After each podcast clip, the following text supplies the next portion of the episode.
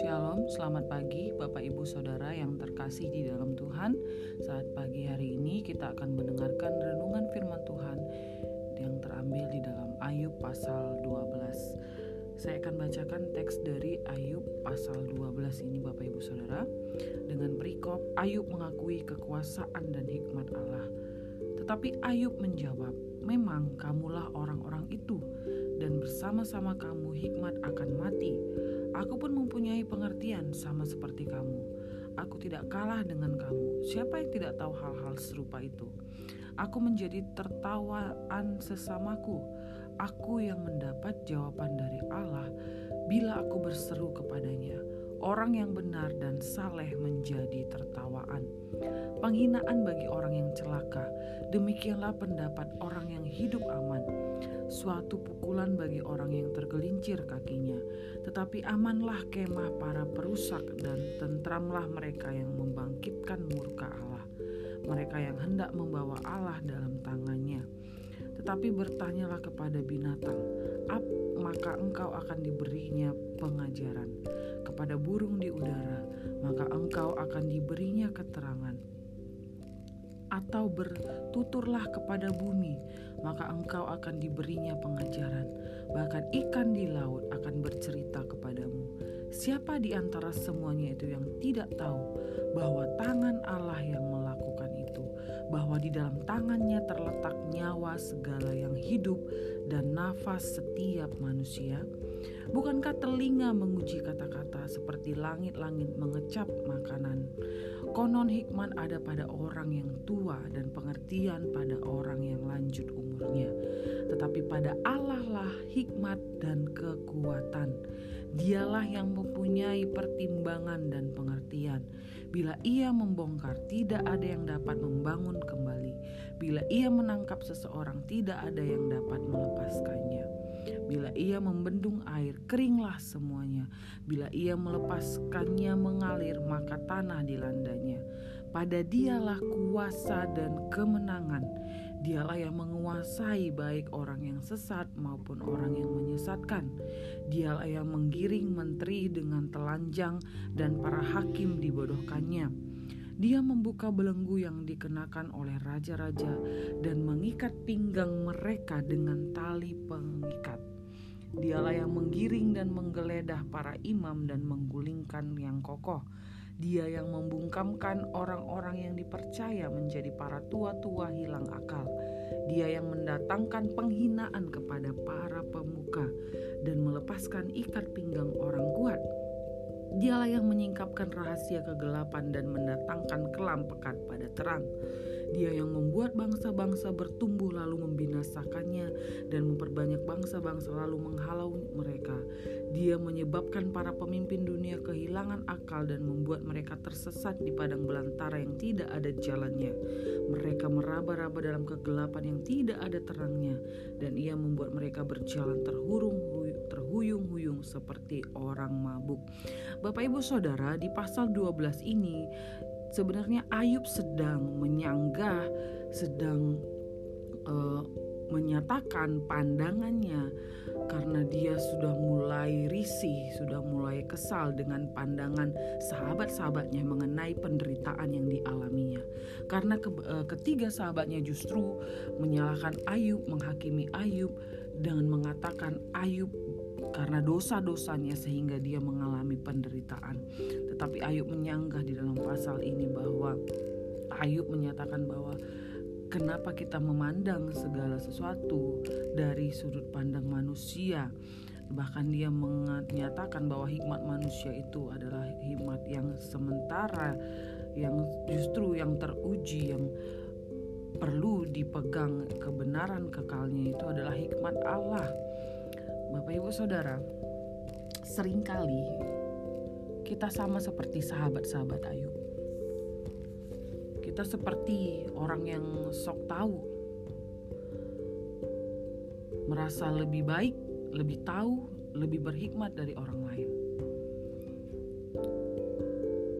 Karena kecenderungan itu membuat kita akhirnya mudah untuk menghakimi orang yang ter, sedang tertimpa musibah atau penderitaan. Seolah-olah kita tahu bahwa yang membuat mereka mengalami penderitaan itu karena dosa-dosa yang mereka perbuat. Sikap sok tahu inilah yang dilakukan ketiga sahabat Ayub. Mereka menuduh bahwa musibah, penderitaan yang bertubi-tubi datang dalam kehidupan Ayub itu adalah karena dosa-dosanya, karena dosa-dosa dan kesalahan yang Ayub lakukan. Ayub merasa bahwa kesombongan dan sikap sok tahu ketiga sahabatnya ini telah membutakan mereka dari kebenaran sejati.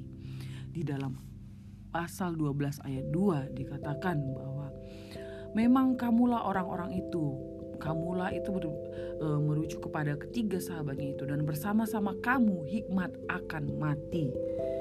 Jadi Ayub menyanggah mereka karena kesoktahuan mereka, karena tuduhan mereka Ingat Bapak Ibu, kalau kita bisa melihat sahabat-sahabat Ayub ini justru mereka yang seharusnya lebih memahami Ayub, justru mereka yang seharusnya mendukung Ayub, menghibur Ayub, memberikan Ayub uh, kekuatan supaya imannya tetap teguh di dalam Tuhan meskipun penderitaan yang dia alami. Tetapi justru sahabat-sahabatnya yang paling dekat dengan dia, yang seharusnya paling memahami dia, justru menghakimi, menuduh Ayub, mengatakan dia berdosa.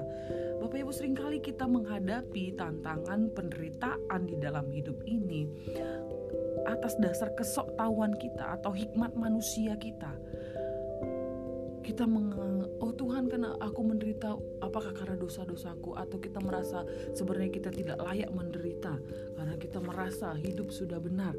Bapak Ibu, apakah penderitaan itu selalu dikaitkan dengan dosa? Kalau hikmat manusia katakan, hikmat nenek moyang kita, hikmat manusia mengatakan orang menderita karena dosa. Tetapi justru kebenaran di sini kita bisa melihat bahwa penderitaan, kesulitan itu belum tentu karena dosa Bapak Ibu Saudara. Ada satu kisah Bapak Ibu Saudara. Mari uh, dalam kisah ini ada seorang uh, teman yang waktu itu dia bersaksi yaitu dia didiagnosa mengidap penyakit kanker Bapak Ibu Saudara. Namun saat menjalani proses pemulihan kemoterapi, justru pada masa itu dia mengalami pertobatan dan menjadi percaya kepada Tuhan. Dan Bang Angsur angsur hari ke hari, justru penyakitnya itu semakin membaik. Ia bebas dari penyakit kanker selama 18 bulan. Tetapi kemudian kanker itu kambuh lagi, bahkan lebih parah dari sebelumnya. Ia dan istrinya menghadapi kenyataan tentang penyakit itu dengan rasa prihatin dan banyak pertanyaan. Mungkin dia bertanya, "Kenapa Tuhan? Aku sudah percaya, Tuhan sudah memberikan progres penyembuhan, tetapi kenapa kembali lagi?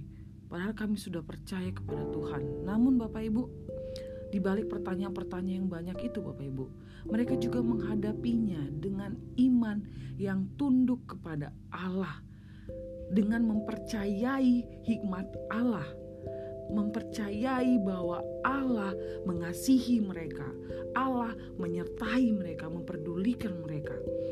Dan karena iman itu, mereka melihat bagaimana Allah memelihara kehidupan teman saya tadi dan istrinya sampai pada saat ini. Jadi mereka tidak menganggap bahwa kesulitan, penyakit itu karena dosa. Justru mereka melihat bagaimana kebaikan Allah, penyertaan Allah, bagaimana kasih Allah dinyatakan di dalam hidup mereka meskipun teman saya tadi mengalami sakit kanker. Bapak Ibu Saudara, itulah hikmat Allah Bapak Ibu Saudara. Jangan kita selalu melihat, menilai segala sesuatu yang terjadi di hidup kita dengan menggunakan hikmat kita, akal budi kita, atau akal budi yang turun atau pengetahuan yang turun temurun dari nenek moyang kita. Tetapi mari kita kembali kepada Alkitab. Mari kita kembali kepada hikmat Allah bahwa Allah yang berkuasa, Dia yang menciptakan kita, Dia yang menciptakan dunia ini. ketika ada penderitaan, kesulitan terjadi, mari kita mempercayai Allah bahwa Dia senantiasa menyertai kita. Dan ingat, Bapak Ibu Saudara, di dalam Injil dikatakan bahwa pencobaan-pencobaan yang kamu alami adalah pencobaan biasa yang tidak melebihi kekuatan kita. Jadi Bapak Ibu Saudara, cobaan apa yang kita alami? Tantangan kesulitan. Jangan mempertanyakan itu kepada Tuhan. Mari kita mulai mempercayai Dia. Mari kita membangkitkan iman kita, mempercayai bahwa Allah menyertai kita di dalam segala kondisi yang kita alami. Di dalam Ayub 12 ayat 13 dikatakan, Allah itu Allah lah hikmat dan kekuatan. Dialah yang mempunyai pertimbangan dan pengertian. Jadi apa pun kesulitan, tantangan, mari tetap mempercayai Allah. Di dalam pasal 12 ini dikatakan Bapak Ibu Saudara di dalam ayat 14, bila ia yang membongkar, tidak ada yang dapat membangun kembali dan pada dialah kuasa dan kemenangan. Inti pasal Ayub pasal 12 di dalam ayat 16 Bapak Ibu Saudara. Bahwa Ayub sendiri mengatakan di dalam penderitaan yang dia alami, di dalam kesulitan penderitaan yang hebat yang begitu menimpa Ayub, dia mengatakan bahwa di dalam ayat 16, pada dialah, dialah Allah itulah yang berkuasa dan dialah yang memberikan kemenangan kepada orang yang percaya. Amin Bapak Ibu Saudara. Mari kita datang kepada Tuhan. Mari kita melihat kebaikannya.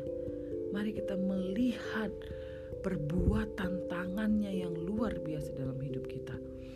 Demikianlah firman Tuhan pada pagi hari ini Bapak Ibu Saudara. Kiranya ini memberkati kita dan membangkitkan iman kita kepada Tuhan. thank you